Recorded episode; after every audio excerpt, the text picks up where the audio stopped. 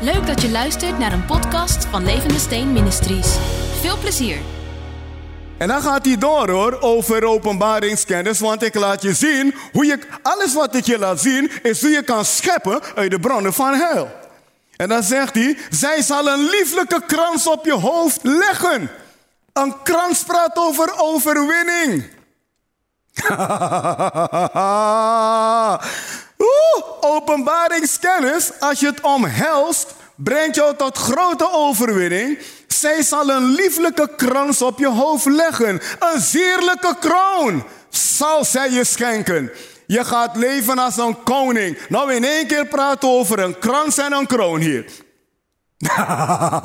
Romeinen 5, vers 17 zegt dat wij zullen heersen met Jezus als koningen. Maar dit is de route. Verwerf wijsheid, verwerf inzicht, omhels haar, houd haar hoog, praat erover. Zij zal een lieflijke krans op je hoofd leggen en een sierlijke kroon zal zij je schenken. Wauw! Iedereen die dit doet, weet dat wat ik zeg waar is. Je voelt het, je ervaart het. En dan staat er, hoor mijn zoon, mijn dochter, neem mijn woorden aan. Die openbaringskennis die je hebt gekregen, neem mijn woorden aan. Hier komt het, op dat. Je levensjaren talrijk worden. Woe! het staat het. Is in het boek. Is in de boek. In een libro. Oh, is in het boek van God. Ja? Hoor mijn zoon en mijn dochter, neem mijn woorden aan, lambanozen, opdat je levensjaren talrijk worden. Hier zie je dat God wil dat je lang leeft. Hi, hi, hi, hi, hi, hi, hi. Dus we hebben heel wat sleutels in onze eigen hand. Door te leren omhelzen, door te leren Gods waarheid hoog te houden, door te mediteren, door het woord te lezen, erover te praten. De zegeningen van God zijn beschikbaar voor alle mensen. Maar wij bepalen zelf of we erop ingaan of niet. En dan staat er, ik onderricht je in de weg van wijsheid. Ik doe je treden op rechte paden. Hier, bij je wandelen zal je schreden niet belemmerd worden. Dit is wandelen in overwinning. Hij praat over wandelen hier. Hij zegt bij je wandelen zal, zal je schreden niet belemmerd worden. Ik hoop dat je ziet dat God wil dat je in totale overwinning leeft. En ik hoop dat je ziet dat de problemen om je heen je niet kunnen tegenhouden als jij leert Gods waarheid te omhelzen. Je moet toch zien dat er een spanningsveld is hoor. Want je hebt Gods waarheid, maar je hebt heel wat feiten rondom jou. Je hebt Gods waarheid, maar heel wat dingen rondom jou, die praten anders. Die laten een ander geluid horen. En jij moet leren te omhelzen. Gods woord omhelzen. Gods woord hoog houden. Oh, mediteren. Je verblijden erin. En dan staat er, dan zal je schreden niet belemmerd worden. Geloof is voor mensen die weten waar ze mee bezig zijn. Ja, geloof is voor mensen met een openbaringskennis. Zie, God is mijn heil. Want heel wat gaat je bevechten. Daarom staat er, haal de bolwerken van de vijand naar beneden. De vijand heeft bolwerken om jou te blokkeren. Bolwerken zitten in je denken. Ja, dus je moet ervoor zorgen dat jouw denken vol is met het heil van God. Je moet ervoor zorgen dat je denken vol is met openbaringskennis. Want de Bijbel zegt ons in 2 Korinthe hoofdstuk 10 vers 5, haal die bolwerken naar beneden. Haal ze naar beneden. Ga scheppen uit de bronnen van heil. Ga staan op eigen benen. Wauw. Bij je wandelen zal je schreden niet belemmerd worden. Gezegend en ieder die dit ziet. Gezegend en ieder die dit ziet. Zie, God is mijn heil. maar dit zit eraan vast. Bij je wandelen zal je schreden niet belemmerd worden. Hij zegt, wanneer je loopt, zal je niet struikelen.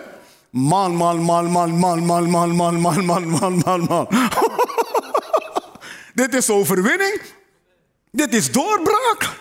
Dit is gezondheid. Dit is voorziening in al je noden. Dit leven maakt dat als, als mensen naar je kijken, denken, als, laat ik het nog anders zeggen, als de duivel naar je kijkt, denkt hij, Is hij het of is het Jezus?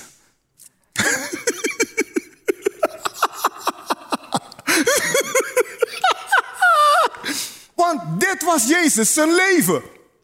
Jezus zei: Ik leef bij de woorden van de Vader. Ik doe alleen wat de Vader me zegt om te doen. En ik doe alleen wat ik hoor wat hij zegt. Als jij en ik dit leven hebben, raken de duistere machten in de war. Dat ze denken, is dit Jezus op aarde? En dat klopt, want jij bent zijn ambassadeur. De Bijbel zegt, we zijn een open brief van Jezus. Als duistere machten naar ons kijken, moeten ze denken: hoe is het mogelijk? Jezus, Jezus, Jezus, Jezus, Jezus, Jezus. Overal zien ze Jezus. Daarom staat er een ieder die in hem blijft, hoort zo te wandelen als hij gewandeld heeft. Ja, God wil dat Jezus in jou gezien wordt. Zeg niet dat het niet kan, dat is je roeping. Dat is wat christen zijn betekent. Dat is je roeping. Dat is je calling. Hij zegt, jij zal mijn getuige zijn. En eigenlijk gebeurt het op deze wijze dus. En dan zegt hij, wanneer je loopt, zal je niet struikelen. Jezus is niet gestruikeld, hij overwon. Maar Holder, dat was Jezus. En, en ik ben Jezus niet. Nee, maar je bent wel in hem. Je bent in hem. In jezelf ben je niet volmaakt, maar in hem wel.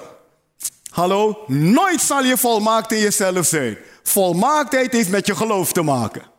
De Bijbel zegt wij zijn volmaakt in Hem. Dus als je probeert volmaakt te worden in jezelf, ga je gigantisch teleurgesteld worden. Maar als je je positie accepteert en zegt, Hij heeft me volmaakt gemaakt in Hem, Hij heeft me waardig gemaakt, dan is jouw volmaaktheid door het geloof. Dus door het geloof ben ik vandaag volmaakt. Ben ik volmaakt in mijn handelen en wandelen? Nee. Maar door het geloof in Jezus ziet God mij als volmaakt. En daar heeft de vijand een probleem mee, want wij overwinnen door geloof. Ah, wie het vatte, vatte het.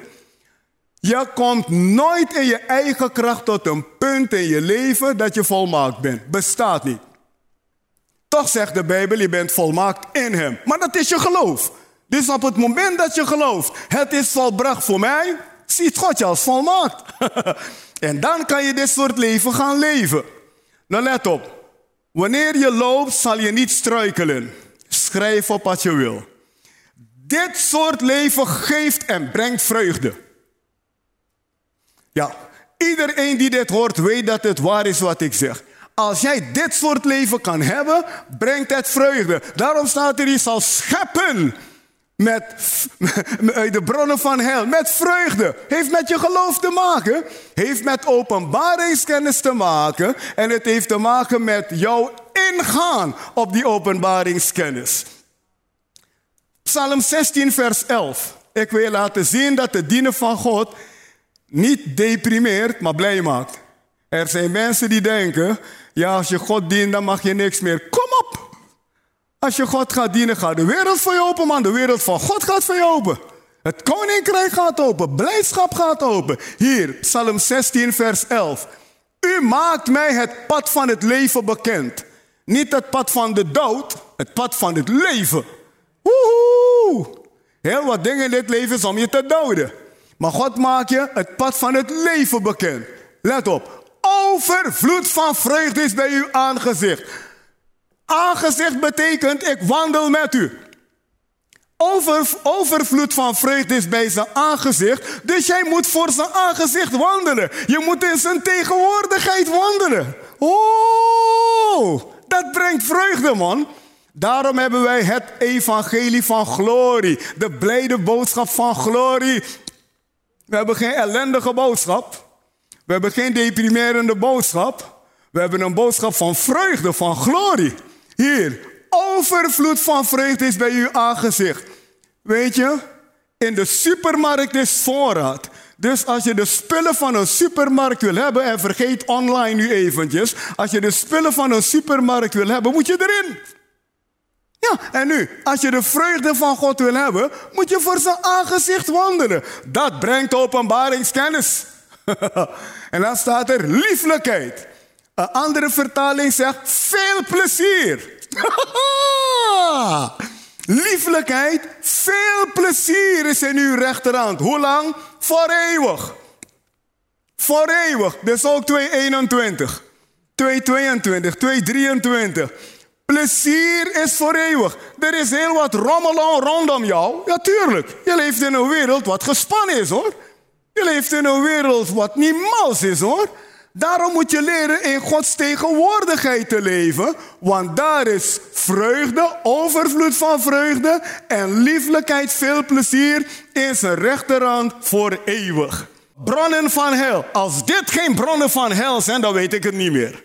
Als dit geen bronnen van doorbraak zijn, weet ik het niet meer. Schrijf het op wat je, als je wil. Dan zal je met vreugde water scheppen uit de bronnen van hel gaat over verloste mensen. Dan zul je met vreugde water scheppen uit de bronnen van heil. Gaat over verloste mensen. Mensen die Jezus hebben leren kennen. Hij is er tot heil geweest. Hij is hun heil. En ze gaan nu scheppen uit de bronnen van heil met vreugde. Dit gaat over verloste mensen. En hun erfenis. Schrijf het op. Dit gaat over verloste mensen en hun erfenis. Je hebt een erfenis. You have an inheritance. Een inheritance. Oeh, soy heredero. Ik ben een erfgenaam. Oh, soy heredero con Christo. Ben een erfgenaam met Christus. Dit is je erfenis.